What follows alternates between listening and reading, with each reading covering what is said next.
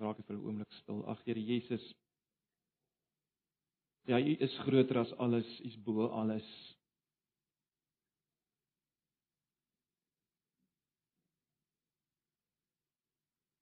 U is meer werd as enigiets waar ons nou kan dink. Here, nou wil ons vra dat hierdie oggend deur die werking van die Gees in die woord juis vir ons maar net weer bewus maak van die kosbaarheid. Here, ons moet erken, ons moet bely en ek self dat ons dikwels lewe die gejaagdheid van elke dag in ons gedagtes en dit wat ons doen en sê en ons optrede leef ons asof U hoegenaamd nie kosbaar is nie. Ons tyd, ons aandag, ons geld gaan aan so baie ander dinge in. En uiteindelik aanbid ons U nie as die mees waardevolste een in die kosmos nie.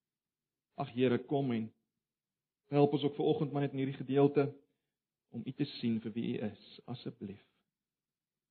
Bid vir elkeen wat nie vanoggend hier is nie, wat siek is. Een of ander krisis gaan, ons wil bid dat U vir hulle naby sal wees. Sonder onderneem sal versterk. Innerlik sal versterk deur die Gees. Asseblief, ons vra dit in Jesus se naam. Amen. Nou ja, ons is steeds besig met Markus. Ons Markus is nou vinnig besig om ehm uh, tot die einde te kom. As die Here wil, gaan ons uh kyk na Esegiel binnekort. Maar goed, kom ons bly vanoggend na Markus hoofstuk 14. Uh twee sonder gelede het ons die moeilike Markus hoofstuk 13 behandel. As jy nie hier was nie, kan jy gerus die uh CD kry. Ek dink dit is 'n belangrike hoofstuk om om miskien net bietjie anders na te kyk. Uh so julle is welkom om dit te kry. Ons maak oop by Markus hoofstuk 14. Ek gaan nie dat ons nou dadelik die gedeelte lees nie. Ons gaan dit stuk stuk lees. Julle sal nou sien hoe ons dit gaan doen. Uh, so ons gaan nie dadelik Markus 14 nou as 'n geheel lees nie, maar hou dit asseblief byderhand. Uh want ons gaan nou met die teks werk soos gewoon. Nou broers en susters, ek dink julle sal my saamstem. Ons is almal bereid om uh om te wag vir iets wat die moeite werd is en om tyd en aandag en geld te spandeer aan iets wat die moeite werd is, né? Nee. Ek dink dit geld vir baie dinge in hierdie lewe. As daar 'n rugby-wedstryd of cricket-wedstryd op die televisie is wat die moeite werd is, dan sal ons baie ding ander dinge op sy sit om om dit te kyk want dit is die moeite werd.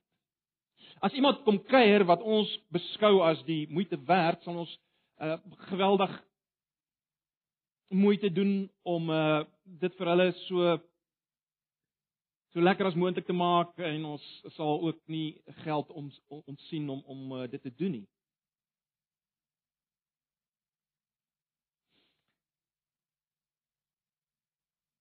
Ek het onwillekeurig gedink aan uh aan Jakob in die Ou Testament wat uh eh, 7 jaar vir Rachel gewerk het en ons lees dit was vir hom eintlik soos een dag. Hoekom? Want Rachel was vir hom moeite werd. Rachel was nie moeite werd. So ons is bereid om te wag en ons is bereid om geweldig te spandeer en te bestee aan iets wat ons as die moeite werd beskou. Ek wil net vanoggend kyk na hierdie eerste 25 verse van Markus 14. En ek dink nogal dat die sentrale tema wat Markus wil uitlig is dit. Is Jesus die moeite werd? Is Jesus die moeite werd? En en miskien dalk nog meer spesifiek is is dit die moeite werd om te wag vir hom?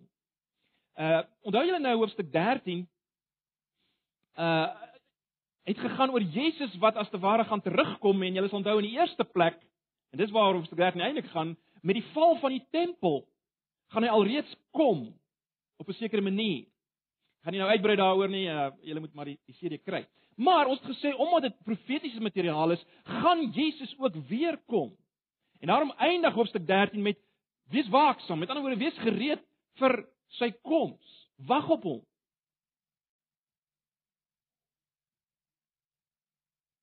Die vraag is natuurlik is dit die moeite werd? Is hy die moeite werd? Ja, hierdie gedeelte waarna ons gaan kyk is amper soos 'n toneelstuk. Daar's vier hoofkarakters of groepe van karakters wat almal rondom Jesus draai. Almal probeer in 'n sekere sin vasstel hoeveel is hy werd. Die karakters is die die owerpriesters en die skrifgeleerdes. Daar's 'n vrou sonder naam in Markus. Ons sal sien sy het wel 'n naam. Daar's Judas en dan is daar die ander disippels. Dis die karakters of groepe karakters.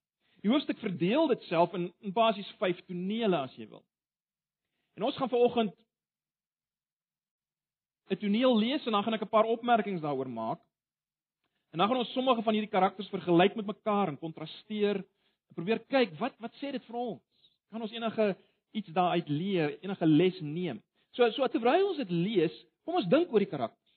Dink vir jouself oor hierdie karakters. Dink, wat is hulle doelwit? Hoeveel waarde heg hulle aan Jesus? Vra jouself die vraag. Natuurlik vra jouself af, hoeveel waarde heg ek regtig aan Jesus? Hoeveel waarde heg ek regtig aan Jesus? Nou, net voor ons na die eerste toneel gaan, miskien net om die eerste toneel se konteks te verstaan. Julle sal weet, dis die laaste week van Jesus se lewe en van die begin van sy bediening was hy eintlik in konflik met die met die geestelikes van die dag, nê, nee, die owerpriesters en die skrifgeleerdes. Maar net alles eintlik tot 'n punt gekom, nê. Nee, julle sal onthou Jesus het die geldwisselaars uit die tempel gedryf. En per implikasie het hy eintlik gesê dat ehm uh, hulle nie hulle werk doen nie, nê. Dat hulle nie is wat hulle moet wees nie. En uiteindelik in Markus 13 het hy geprofeteer dat hierdie hele tempel gaan vernietig word. Ek meen, daar gaan nie een klip op die ander een oorbly nie. En grootliks natuurlik as gevolg van hulle korruptheid. So eh, dis die agtergrond, né? Nee, en en mense kan dink dat ehm uh, dat die skrifgeleerdes en die owerpriesters het dit nie goed gevat nie. Nie goed gevat. Want Jesus het hulle lelik in die gesig gevat tot op hierdie punt. En dit bring ons nou by die eerste toneel. Kom ons lees vers 1 en 2. Twee dae later sou dit die Paasfees en die fees van die ongesuurde brode wees. Die priesterhoofde en die skrifgeleerdes was op soek na 'n plan om Jesus op 'n slinkse manier gevange te neem en dood te maak. Hulle het gesê nie op die fees nie, sodat daar nie miskien oproer onder die volk kom nie. Nou, miskien net belangrik uh, wat 'n mens moet weet is dat in hierdie tyd was die Paasfees sekerlik een van die grootste uh feeste in die tyd of die fees wat die beste bygewoon is. Die ouens reken dat honderde duisende Jode van oral oor gekom het uh om uh om hierdie fees te vier. En natuurlik is dit logies dat onder hierdie massas sou mense gewees het wat wat Jesus gehoor het, wat gesien het wat Jesus gedoen het. En en onder hulle was waarskynlik van die ouens wat wat op uh Palm Sondag hom met blydskap verwelkom het. So die owerpriesters en en en skrifgeleerdes geweet dat uh dit sou 'n bietjie dwaas wees om hom in hegtenis te neem op hierdie fees. Nie omdat hulle iets vir die fees gevoel het regtig nie, maar hulle besef uh as hulle nie as te ware self in 'n swak lig wil kom nie, dan moet hulle stil beweeg, geslepe beweeg. Hulle moet in die privaat dalk in die nag met Jesus handel uh sodat niemand eintlik dit sal raak sien. So dis die eerste toneel. Kom ons kom by die tweede toneel. Ja, vanaf vers 3. Dis so ons nou gekyk na die eerste toneel wat die owerpriesters en skrifgeleerdes kortliks die voorgrond plaas nou Jesus, die disippels en 'n vrou. Kom ons lees vanaf vers 3. Jesus was in Betanië in die huis van Simon die Melaatse. Terwyl hy aan tafel was, het daar 'n vrou gekom met 'n albaste fles, egte, baie duur nardesolie. Sy het die fles oopgebreek en die inhoud daarvan op sy kop uitgegiet. Party van die mense het onder mekaar verontwaardig uh hulle verontwaardiging uitgespreek. Waarvoor is hierdie vermorsing van reukolie? Hierdie reukolie kon vir meer as 300 silwer muntstukke verkoop en die geld vir armes gegee gewees het. En hulle het teen haar uitgevaar. Laat staan haar het Jesus gesê: "Waarom maak julle dit vir haar moeilik? Sy het 'n goeie daad aan my gedoen. Julle het tog altyd armes by julle en wanneer julle wil kan julle aan hulle goed doen, maar vir my het julle nie altyd by julle nie." Wat sy kon het sy gedoen, sy het vooruit al my liggaam gesalf as voorbereiding vir my begrafnis. Dit verseker ek julle, Oral waar die evangelie in die hele wêreld verkondig word, sal daar ook vertel word wat sy gedoen het tot 'n herinnering aan haar.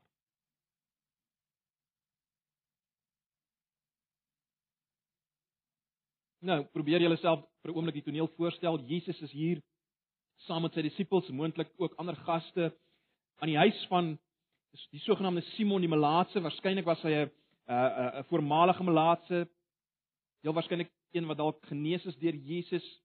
Hulle was in sy huis. Hy is deur uh, uh, uh, uh, hy het vir hulle genooi. Die huis is so 'n paar myl van Betanië af. Of laat ek sê is in Betanië 'n paar myl van Jerusalem af waar Lazarus en sy susters uh, gebly het, Maria en Martha. En soos die gebruik was, het hulle natuurlik nie gesit en eet nie, hulle het gelê, nê, op daai stoele wat jy basies op lê, die banke waarop jy lê, amper meer amper soos bedjies. Ehm um, het gerus op die linkerarm met die regterarm geëet. Dit dis die toneel. En dan ewe skielik gedurende hierdie maaltyd kom daar 'n vrou die vertrek binne. Met 'n erdekruik sê Markus vir ons vol nardesolie, 'n duur parfuum as jy wil. En sy maak nie net hierdie kruik oop nie, sy breek dit sodat die geur van hierdie olie as te ware die hele vertrek vul. Sy sy sy sy sit nie bietjies klein hoeveelhede uh, op Jesus nie. Sy met ander woorde sy smeer nie klein hoeveelhede daarvan op Jesus nie. Sy giet die hele stikkende kruik op hom uit. Johannes in sy evangelie sê vir ons dit was Maria die suster van Lazarus. En hy vertel ook vir ons dat sy nie gestop het uh, by sy kop nie, maar uiteindelik ook dit oor sy voete gegooi het en met haar hare afgegee afgevee het. Nou net net vir interessantheid, blykbaar is hierdie hierdie plant waarvan die narres gekry het gekry is was op daai stadium net te, eh, te kry in eintlik in die Himalajas en en dit was geweldig duursaam met ander woorde skaars en duursaam. Uh 300 silwerstukke. Dis 'n geweldige bedrag. Ag ouens maak nou die sommetjies. Hulle sê so iets soos 15000 Amerikaanse dollar nou is met die uitruilkoers op die oomblik is dit natuurlik 'n astronomiese bedrag rand. Maar hoe dit ook al sê, dit was eintlik 'n geskenk vir 'n koning. Geweldig duur. Geweldig. Buitensporig om om dit te doen met so iets was totaal uh onvanpas. Ek bedoel jy breek nie 'n kruik met hierdie Dis 'n fortuin. Maar dis wat sy doen. En en en duidelik is die mense ongelukkig, die disippels uh waarskynlik saam was ongelukkig oor hierdie vermorsing, hierdie verkwisting. Wonder hoe sou ek en jy gevoel het daaroor? Wees bietjie eerlik met jouself. In die situasie. Wat sou jy gedink? Wonder of ons sou gedink dit is so edele gebaar. Of ons nie ook sou gedink dit is 'n vermorsing. Dit is belangrik om jouself dit te vra. Jesus aanvaar dit en hy maak die die kritisie as te ware hier stil, nee, hy aanvaar dit. Maar goed, dis die tweede toneel. Kom ons kyk na die derde toneel. Judas en die owerpriesters. Vers 10: Judas Iskariot wat een van die 12 was, het sy hulp vir die priesterhoofde gaan aanbied om Jesus in die hande te kry. Vers 11: Toe hulle dit hoor, was hulle bly en hulle het beloof om hom daarvoor te betaal. Hy het toe na 'n plan gesoek om hom by 'n geskikte geleentheid te verraai. Ek wil net hê ons moet ook nou luister na Matteus se weergawe hiervan en en, en daar's 'n rede voor. Kyk gou na Matteus 26 vers 14 en 15.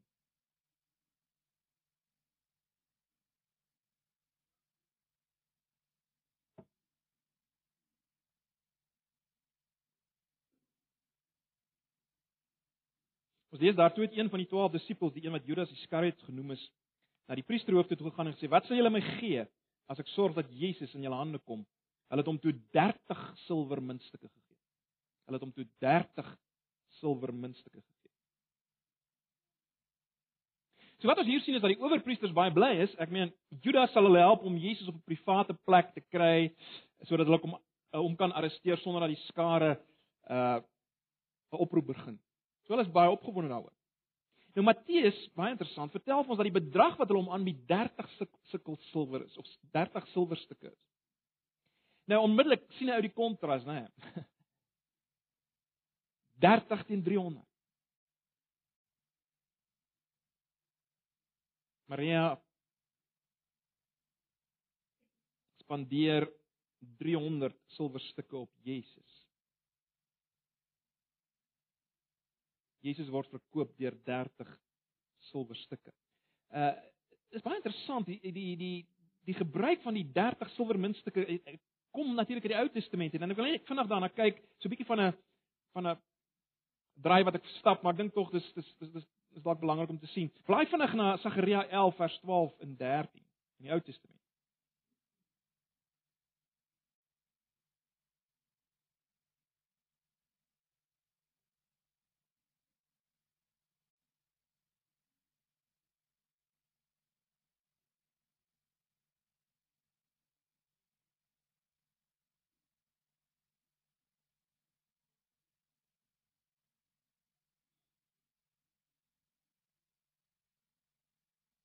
Sagaria 11 vers 12 en 13. Daarop sê ek vir hulle: As dit goed is in julle oë, gee dan my loon. En so nie laat dit dan staan. Toe het hulle my loon afgeweek geweeg 30 sikkel silwer. Hierop sê die Here vir my: Gooi dit vir die pottebakker, die heerlike prys waarmee ek deur hulle gewaardeer is. En ek het die 30 silwerstukke geneem en dit in die huis van die Here vir die pottebakker gegooi. Nou net baie baie vinnig, wat is die konteks? Waaroor gaan dit hier? In Sagaria 11 sien ons daar's twee tipes herders of dan profete onder die volk. Die goeies en die die die huurlinge of die slegtes. En en en die geweldige in Sagaria 11 is dat dat dit daarop dui dat die volk kies verkies eintlik hierdie slegte valse profete wat wat nie werklik uh die woord van God aan hulle bring nie, maar maar hulle sê wat hulle wil hoor en so meer. Uh, dit is baie duidelik, hulle verkies eintlik hierdie valse profete. En dan Sagaria so ontstel daar daaroor. Hy hy hy vra vir hierdie ontroue volk, vir die ontroue mense, gee vir my my betaal. Gee vir my 'n prys. Gee my my salaris as te ware. Sê vir my wat as ek werk? Gee dit vir my. En en en en, en dit is baie duidelik is as half profeties dit wat hy doen want eintlik is dit die Here wat deur hom vir die volk vra gee my my loon. Sê wat is ek werd?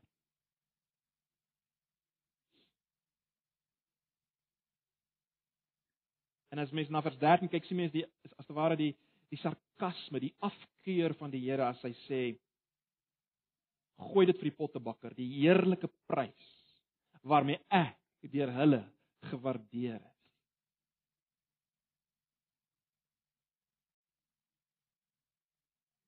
Hoekom is dit so afstootlik vir die Here? Hierdie prys wat aangebied word vir Sagaria, maar eintlik vir die Here. Wel, omdat broers en susters, as die volk werklik God se volk was, moes hulle as te ware, om dit so te stel, die volgende antwoord op Sagaria se vraag as hy hulle vra gee vir my gee vir my my loon. Hulle moes eintlik vir hom gesê het, kyk, ons is nie in staat om om sonder jou diens klaar te kom nie. Ons weier om dit vir jou te gee. Ons kan nie sonder jou klaar kom nie. Want betaling beteken beëindiging van diens en en ons kan nie sonder jou lewe nie. Dit dis wat hulle moes sê. Uh, en verder moes hulle vir hom sê as te ware, kyk, ons kan jou nie 'n prys betaal nie want dis nie moontlik om dit kwantitatief te beoordeel nie. Dis dis net van soveel onberekenbare waarde. Dit bring vir ons God se genade. Ons kan dit nie beoordeel nie.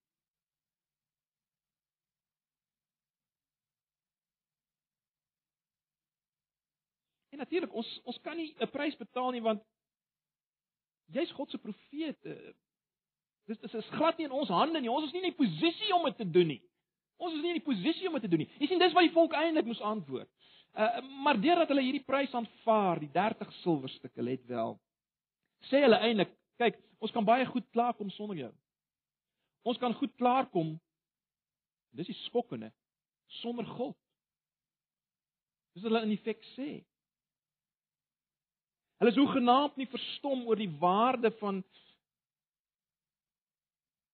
van God se herder en daarom van God nie. Geweldig, is dit nie?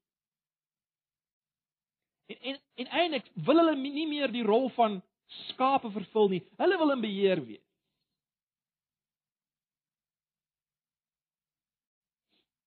Hulle wil doen wat eintlik net die voorreg van die eienaar van die kudde is. Dit wil hulle doen.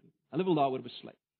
En en broers en susters, ek dink dit lê alles in 'n sekere sin uh agter dit wat hier gebeur as as daar 'n betaling ontvang word en soos Matteus dit vir ons gee spesifiek 30 silwerstukke vir Jesus. Uh dit sê vir ons wat Judas doen. Maar in 'n sekere sin sê dit vir ons ook wat wat die owerpriesters en die skrifgeleerdes, die ouens wat die beste onder die volk moes verteenwoordig, die godsdienstiges van die dag, hoe hulle voel oor oor God se finale herder en daarom oor God self eintlik per definisie, want jy kan nie oor Jesus op 'n manier voel en en dan nie vir God verwerp nie, want Jesus is God en dis al so duidelik gemaak in Markus. Dis wat hulle sê. Deur hierdie betaling wat ontvang word. So so dit lê alles hier agter. Geweldig, is dit? Verloops uh mens sien in die res van die Ou Testament dat 30 silwerstukke is eintlik presies die bedrag wat die eienaar van 'n os vir die eienaar van 'n slaaf moes betaal as sy os hom deurboor het. Met ander woorde, om dit kort weg te stel, Jesus word eintlik hier verkoop vir die prys van 'n slaaf. Prys van 'n slaaf. Dis hoeveel hy werd. Dis hoeveel hy werd is vir vir die godsdienstiges van die dag en vir Judas. 'n disipel, volgeling van hom, een wat by hom was.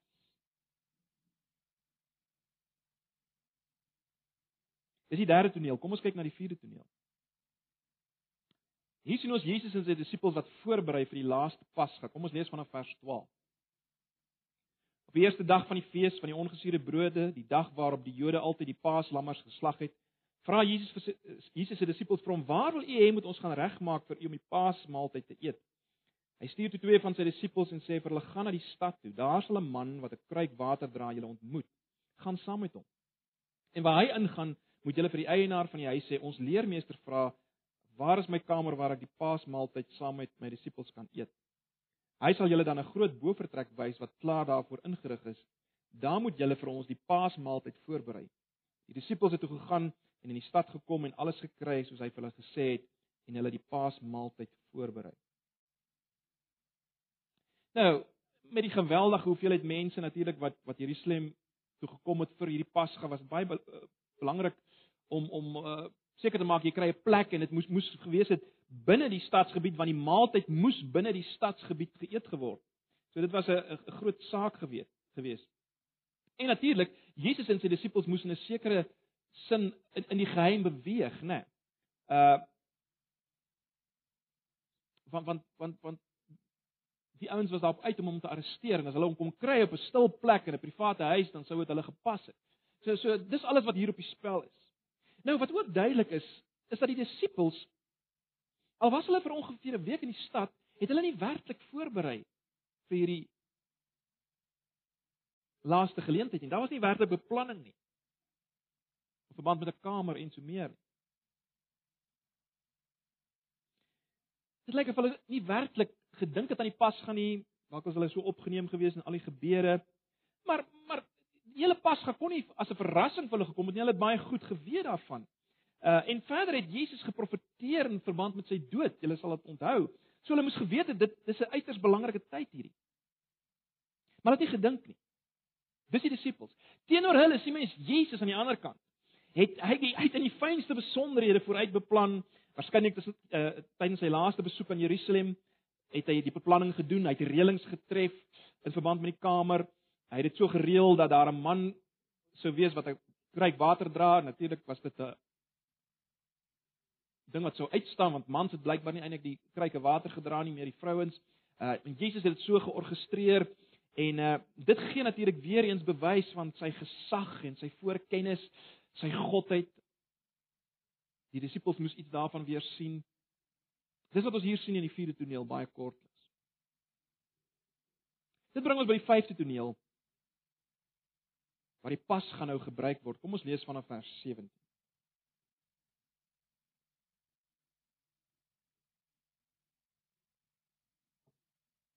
Die aand kom Jesus toe met die 12 daaraan, terwyl hulle sit en eet, sê hy: "Dit verseker ek julle, een van julle sal my verraai, een wat saam met my eet."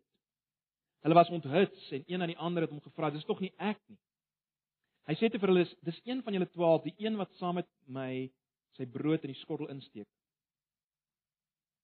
Die seun van die mens gaan inderdaad sterwe soos daaroor hom geskrywe staan, maar wie die man deur wie die seun van die mens verraai word, dit sou vir daardie man beter gewees het as hy nooit gebore was. Terwyl hulle eet, het Jesus brood geneem en die seun gevra. Daarna het hy dit gebreek en vir hulle gegee met die woorde: "Neem, dit is my liggaam."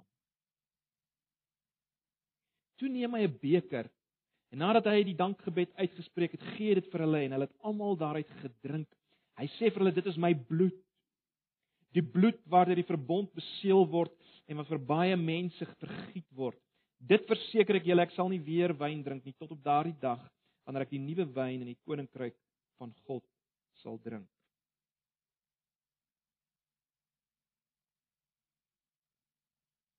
So Jesus en sy disippels wag totdat hulle in die veiligheid van die donkerte na die boonste kamer kan beweeg. En hier terwyl hulle eet, breek Jesus die nuus dat een van hulle, een van sy disippels, sy volgelinge hom sou verraai. Nou twee maal van tevore in Markus 9 vers 31 en in 10:33 het Jesus gesê dat hy oorgelewer gaan word. Maar eintlik is dit maar in Grieks dieselfde woord, verraai, né? Nee. Maar die disippels het, het het dit nie verstaan nie. Uh duidelik het hulle nie gedink dat dit een van die 12 sou wees wat 'n agent van van die oorlewering sal wees, nie die verraaiing nie. Ek meen, dit was totaal buite hulle raamwerk om te dink dat dit een van hulle sou wees. Ek meen hulle het hoegenaamd nie daaraan gedink dat een van hulle kon wees nie. En dit is baie duidelik, nee, hulle het, hulle het geensins Judas verdink op hierdie stadium nie, hoor. Met ander woorde, daar was nie daar was nie eens 'n aanduiding vir hulle dat dit Daar's niks wat vir hulle aanduiding gegee het in Judas dat dit hy sou wees nie. Dit is skrikwekkend. Daar was niks in Judas. Dis hoekom elkeen vir hulle vra maar is is ek dalk die verraaier? Nou, in hierdie kultuur en mens moet dit verstaan om verraai te word in hierdie kultuur deur iemand wat saam met jou eet, wat wat sy hand in in die skottel saam met jou insteek, is geweldig verraderlik. Dit is ontsaglik verraderlik of ontsaglik verraderlik beskou want as jy eet saam met iemand Julle sal weet ons het al bietjie daaroor gepraat. Eet was 'n geweldige belangrike ding in hierdie kultuur. Dit dit het gesê daar's vriendskap, daar's intimiteit en en eintlik as jy saam met iemand geëet het, impliseer dit jy gaan hierdie persoon help waar jy kan. Uh, jy jy's amper onder daai verpligting. So so broers en susters as Jesus sê die iemand om gaan verraai is die een wat saam met hom eet. Hy noem dit spesifiek. Dis die saam iemand saam met my eet. Dis die een wat sy hand in die skottel saam met my gaan steek. As Jesus dit doen, wil hy hê ons moet die gewig voel van hierdie verraad.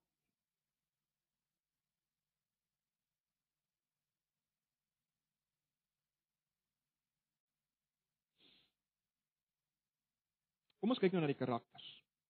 Ons nou gekyk na die tonele. Kom ons kyk nou na die karakters. Kom ons kyk eers na Jesus en dan gaan ons na die ander karakters kyk en 'n bietjie vergelyk en in in van die kontraste uitlig.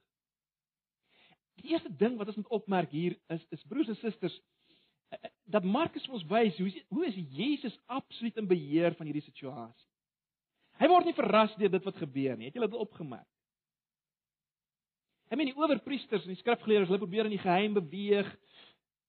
Maar Jesus ken hulle planne en en Jesus beskik so dat hulle arrestasie nie plaasvind voordat hy gedoen het wat hy wil doen nie.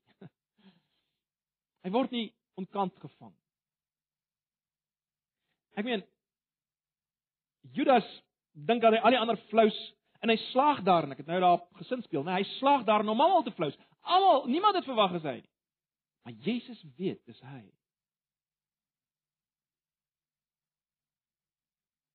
En hy laat Judas weet dat hy weet. Hy weet. Verder sien ons dat Jesus is goed voorberei vir hierdie laaste maaltyd. Hy het beplan, hy's in beheer van die gebeure by Simon die Melaatse. Hy interpreteer dit wat Maria gedoen het sodat die ander dit kan verstaan. Hy hy's absoluut in beheer van hierdie situasie. Opvang hom nie ontkant nie. Gaan ons moet dit sien. Broers en susters, ons moet ons moet Jesus sien vir wie hy is. Maar die belangrikste van alles is Jesus stel homself voor as absoluut kosbaar deur hierdie kom ons noem dit nagmaal gebeure wat ons so goed ken.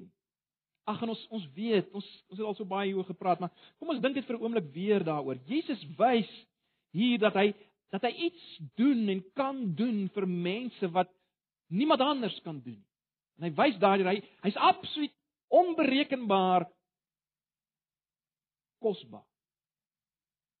Onvergelykbaar kosbaar. Toe ek nou hieroor dink, het ek gedink dink jouself in vir 'n oomblik, jy's aan tafel daar. En Jesus kom en hy sê: "Dis my bloed. Dis my bloed, die bloed van die nuwe verbond."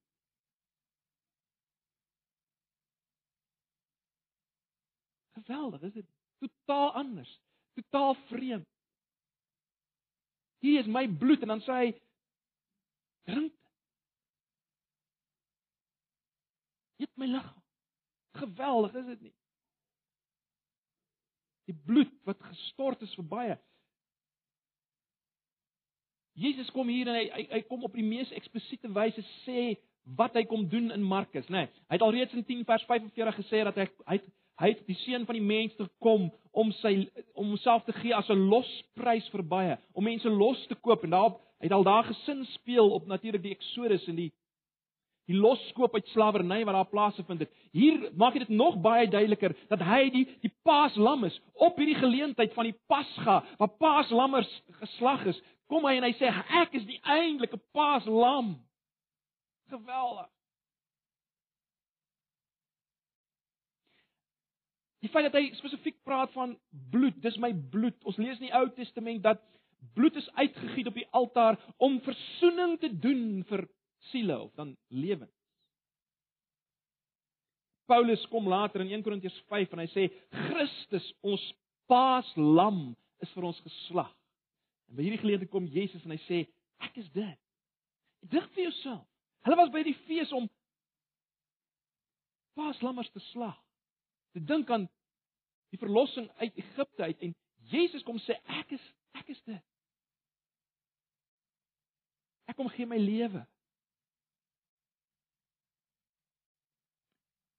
Ons ons het Hebreërs gedoen. Julle sal nog onthou wat Hebreë wat die Hebreërs skrywer sê. Hy maak dit baie duidelik. Sonder die vergieting van bloed is daar geen vergifnis van sonde nie. Jy sien dis waaroor dit gaan. Sonder bloed is daar geen vergifnis van sonde nie. En dis wat Jesus kom sê wat hy kom doen. Hy kom vergewe sonde. Maar die enigste manier hoe dit vergewe kan word is as sy lewe gegee word soos gesien in die vloei van bloed. Sy lewe in die plek van ons lewe. Ons verdien dit. Ons maak dit nie. Ons is nie God se verbondsvolk soos ons moet wees nie. Jesus kom. En hy kom plaas homself onder die lem as te ware, die offerlem van God se oordeel. Sy bloed vloei sodat ons kan vrygaan. Dis geweldig. Broers en susters, dis hoe kosbaar hy is. Wie anders kon dit doen? Wie anders het dit gedoen? Jesus. En en ons moet dit raak sien. Maar maar daar selfs nog meer as dit, né? Nee. Jesus praat van die bloed van die verbond. Paulus sê in 1 Korintiërs 11 Jesus praat van die bloed van die nuwe verbond. Die agtergrond is natuurlik Jeremia 31 vers 33 waar waar Jeremia sê dit is die verbond wat ek na die dae met die huis van Israel sal spruit is sal sluit spreek die Here. Ek gee my wet in hulle binneste en skryf dit op hulle hart en ek sal vir hulle God wees en hulle sal vir my 'n volk wees. In 'n ander woord Jeremia sê dat gaan 'n tyd kom in die tyd van die nuwe verbond wat God se God se wet, God se Torah in die binneste gaan wees. En nou is dit baie interessant dat Paulus in Kolossense praat van Christus in julle. die hoop op heerlikheid. En nou kom Jesus hier en hy sê sy vlees en sy bloed moet gedrink word. Nou ons weet, ons weet dat uh in die Ou Testament al Levitikus 17 vers 11 uh maak dit baie duidelik dat die die siel is in die bloed. Uh die nuwe vertaling vertaal dit met die lewe, né? Nee, die lewe van die van die dier is in die bloed. En dis gegee op die altaar. So, wat kom sê Jesus hier? As hy sê, dis my bloed. Die bloed van die nuwe verbond. Drink dit. Wat sê hy? Hy sê dis moontlik vir julle om my lewe in julle te hê. In ander woorde, ons moet dit raak sien. Jesus kom nie net en hy vergewe nie. Daar's nie net vergifnis wat hy bring van die oordeel of laat ek so sê, hy vergewe ons nie net van die sonde wat wat wat God se oordeel verdien nie. Ons spreek ons nie net vry en neem dit weg nie. Hy hy doen meer. Hy hy hy kom bly in ons binneste. Hy kom neem die rol oor van die Torah van die Ou Testament in die sin dat hy dit binne in ons is. Ons het nie meer 'n uiterlike wet met kodes nie. Dis nou in ons, die lewende Jesus. Hy is die beginsel van ons optrede dag vir dag. Hy's in ons. Dis dis wat ons moet raak sien. Broers en susters, dis hoe kosbaar hy is.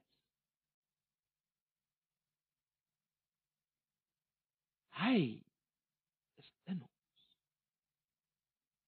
En as ons nou alles wat ons nou gesê het na kyk, nou hoe hy absoluut in beheer is aan die een kant. En hoe hy homself gee as 'n paaslam aan die ander kant. Wat sien ons anders weer eens as Openbaring 5 wat sê hy's die leeu en die lam. Julle julle ken daai gedeelte, né? Nee.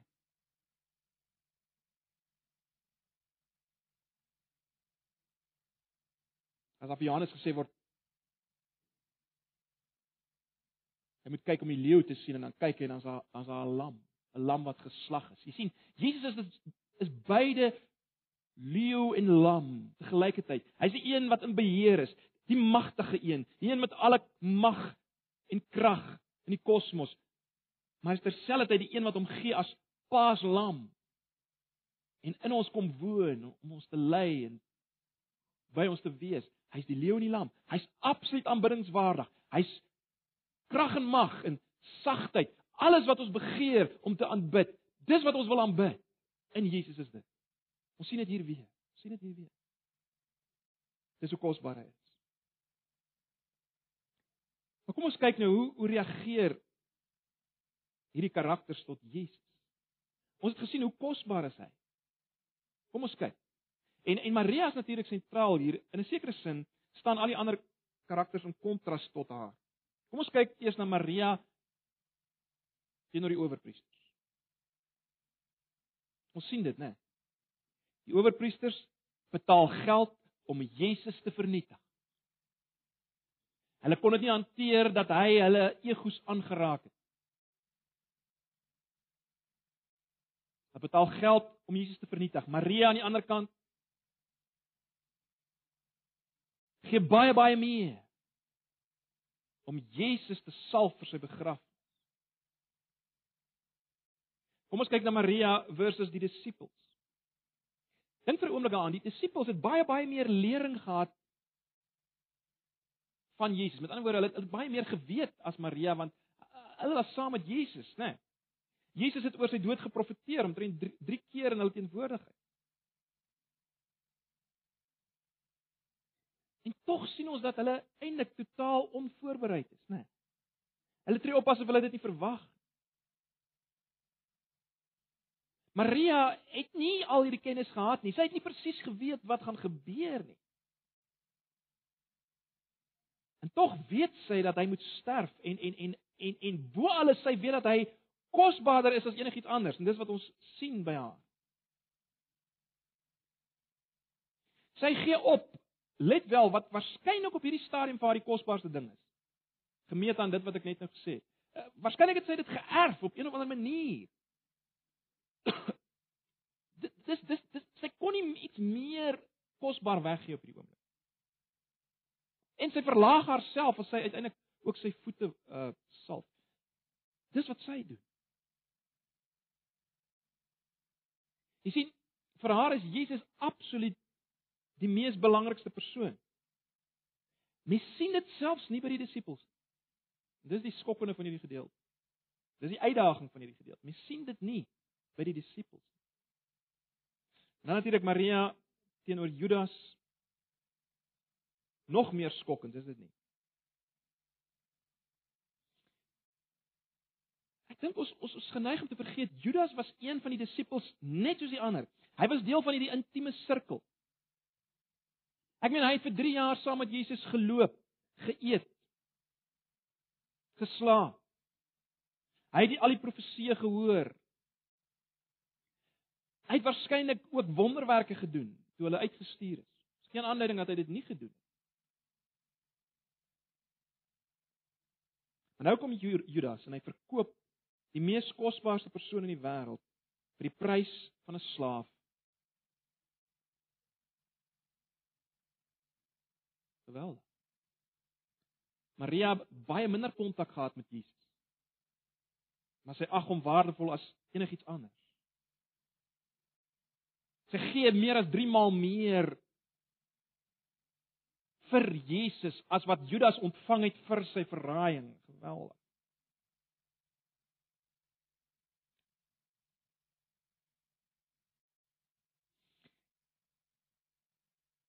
Daar's nog 'n kontras tussen Judas en Maria. Ek wil hê jy moet net vinnig na vers 21 kyk. Kyk net gou na vers 21. Daar's nog 'n kontras. In vers 21 sê Jesus: "Die seun van die mens gaan wel heen soos daarvan hom geskrywe is. Maar wie daardie man deur wie die seun van die mens verraai word, dit sou vir hom goed gewees het as daardie man nie gebore was nie." Wat sien ons in hierdie vers? Broers en susters, ons sien in hierdie vers weer eens beide die soewereiniteit van God, die feit dat God absoluut in beheer is, absolute kennis het van wat gaan gebeur aan die een kant en ons sien die verantwoordelikheid van die mens aan die ander kant. God is soewerein aan die een kant, né? Nee, hy verkondig Judas se verraaiing honderde jare voor die tyd. Tog Judas het gekies om Jesus te verraai. Dis die ander ding wat in die teks lê, en ons weet dit. Judas het gekies. Hy is verantwoordelik vir sy keuse. Jesus sê: "Wie die man vir wat hy gedoen het, sal Judas se naam vir altyd die naam van 'n verraaier wees." Judas het dit gedoen. Hy het gekies. Kyk die kontras met Maria. Ook sy was baie duidelik deel van God se plan. Ek meen Jesus sê daar gaan gepraat word oor wat sy gedoen het. Ons doen dit nou. Ons doen nou presies wat Jesus gesê het. Ons praat oor haar. Jesus het gesê daar gaan gepraat word oor haar en wat hy wat sy gedoen het. Maar Maria, baie belangrik, het ook 'n keuse gemaak. Sy het 'n keuse gemaak. Maar nou baie belangrik.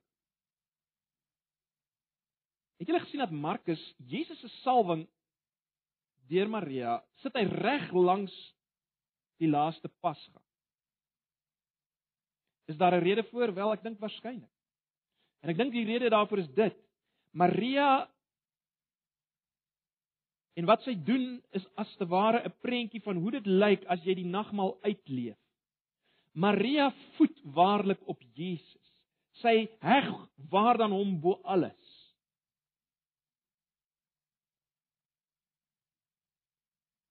Ons het gesien dat Jesus wys sy waarde in die nagmaal.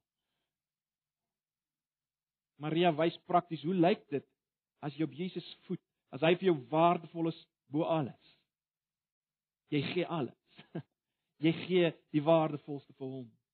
Jy ontsien niks nie.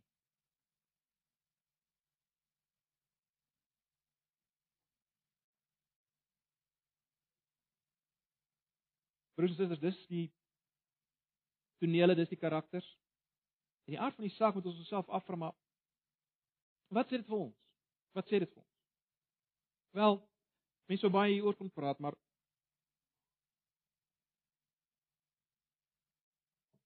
ek dink ons moet vir mekaar sê dat hierdie kategorieë van mense, hierdie kategorieë wat ons sien wat wat hier uitgebeeld word, is steeds teenwoordig onder ons en is steeds teenwoordig selfs binne in 'n gemeente soos Antipas. Met ander woorde, Daar's by wyse van spreuke vanoggend mense soos die Fariseërs en skrifgeleerdes onder ons. Mense wat alles saam doen, baie godsdienstig is, volgens hier sit maar het geen verhouding met Jesus nie. Eindelik pla Jesus hulle. Eindelik meng Jesus in met dit wat hulle doen. Hulle wil ontslaa raak van hom. Dis moontlik dat hy vanoggend sou sê. As nie nie hier is nie wel binne in die breë kerk van die Here is dit is daar sulke mense. Maar nog meer tragies is dat daar mense soos Judas is. En dis die traag, mees tragiese groep is dit. Dis mense wat uh as kinders op 'n jong ouderdom al blootgestel is aan die evangelie. Hulle weet alles van Jesus af soos Judas alles geweet het van hom. Hulle leef af as te ware saam met hom. Hulle leef as te ware saam met hom. Maar iewers iewers vind daar 'n beweging stadig maar seker plaas weg van Jesus af. In Judas se geval lyk dit daar's 'n aanduiding dat dit dat dit die liefde vir geld is wat hom stadig maar seker weggetrek het van Jesus. Maar nou ja, dit dit, dit is nie dit, dit is maar spekulasie, nê, nee, maar dit lyk so. Jy sien, wat ons moet raak sien is hierdie mense word deur al die ander rondom hulle nog steeds beskou as Christen. Soos Judas, Judas is gesien as 'n disipel. Niemand het gedink daar iets gebeur in sy binneste nie, want op die oppervlak het hy nog net so gelyk en alles gedoen en saam beweeg, maar in sy binneste het iets verander. En die tragiese is dat daar vanoggend sulkes kan wees in wie se binneste iets verander het. Stadig maar seker dat daar 'n wegbeweeg plaasgevind. En het jy reeds of is jy op die punt om Jesus te verraai vir iets anders? Het sy vir geld vir aansien vir seksuele plesier, wat die geval mag. Dit is moontlik dat jy vanoggend in hierdie posisie is. Dis moontlik. Ondersoek jouself. Dis dalk 'n goeie tyd vir bekering vanoggend, om terug te keer na Jesus. Jy het 'n keuse. Jy het 'n keuse. Soos Judas, soos Maria. Ag en dan baie belangrik broers en susters, die uitdaging in hierdie gedeelte. Die uitdaging in hierdie gedeelte, die uitdaging wat Markus vir sy lesers wil plaas en wat ons moet hoor, die uitdaging is nie om soos hierdie disippels te wees nie. Maar om soos hierdie vrou te wees. Want jy sien die disippels het Jesus gevolg, maar hulle het hom nog nie werklik as kosbaar bo alles gesien nie. Op hierdie punt. Hulle was op hierdie punt nog nie, as jy wil, totaal uitverkoop aan hom nie. Hulle sou nog nie dit wat die waardevolste is vir hulle op hom spandeer nie. Hulle was nog nie bereid om alles te gee nie. Hulle was net gematig in alles. En jy kry vandag sulke mense wat net gema hulle is gematigde. Die uitdaging broers en susters is om nie gematig te wees nie. Dis die uitdaging, is dit nie? Die uitdaging is om soos hierdie vrou te wees, Maria. Daarom is die vraag, is hy vir, vir jou en vir my en dit is die vraag wat ons onsself moet vra, is hy werklik die moeite werd om my tyd en my aandag en my geld aan te spandeer? Is hy werklik die moeite werd? Dink aan wat hy gesê het op die nag. Dink aan wat hy gedoen het uiteindelik. Vra jouself, is hy werklik die moeite werd? Dink oor die lewe en die kortstondigheid van alles en die nutteloosheid van alles. Dink daaroor. Dink is Jesus die moeite werd? Hoeveel is ek bereid om te spandeer aan hom? Hoeveel tyd? Hoeveel aandag? Hoeveel van my emosie? Hoeveel van my geld?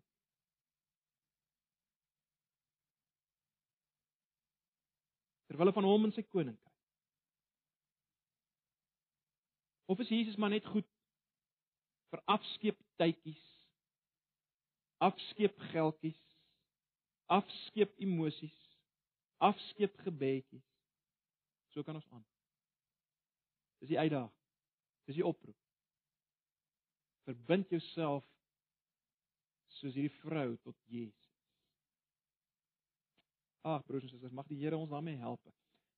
Kom ons word stil vir 'n paar oomblikke, elkeen by homself en jy sal weet waar jy is, hoe jy lyk. Gee tyd vir gebed. Maak die keuse. Jesus kom terug. Is dit die moeite werd om voor te berei vir sy koms? Gereed te wees. Kom ons bid saam. Vader Jesus, U het nou elke gebed gehoor. Ken elke hart. Ken elke bedoeling. Alles is oop en bloot vir U.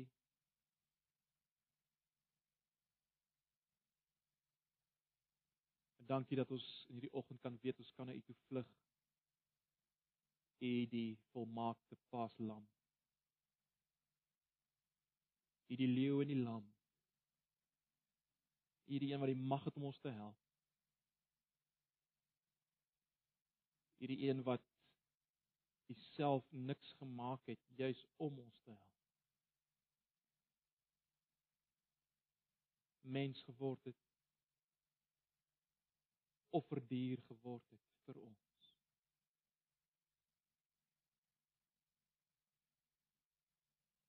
Ons kom na U toe. Here, na wie toe anders sal ons gaan? By U is die ewige lewe. Ons wil onsself maar net weer aan U kom wy, as individue, as 'n gemeente. Ag, Here, beweeg ons om in ons emosies, ons wil, ons optrede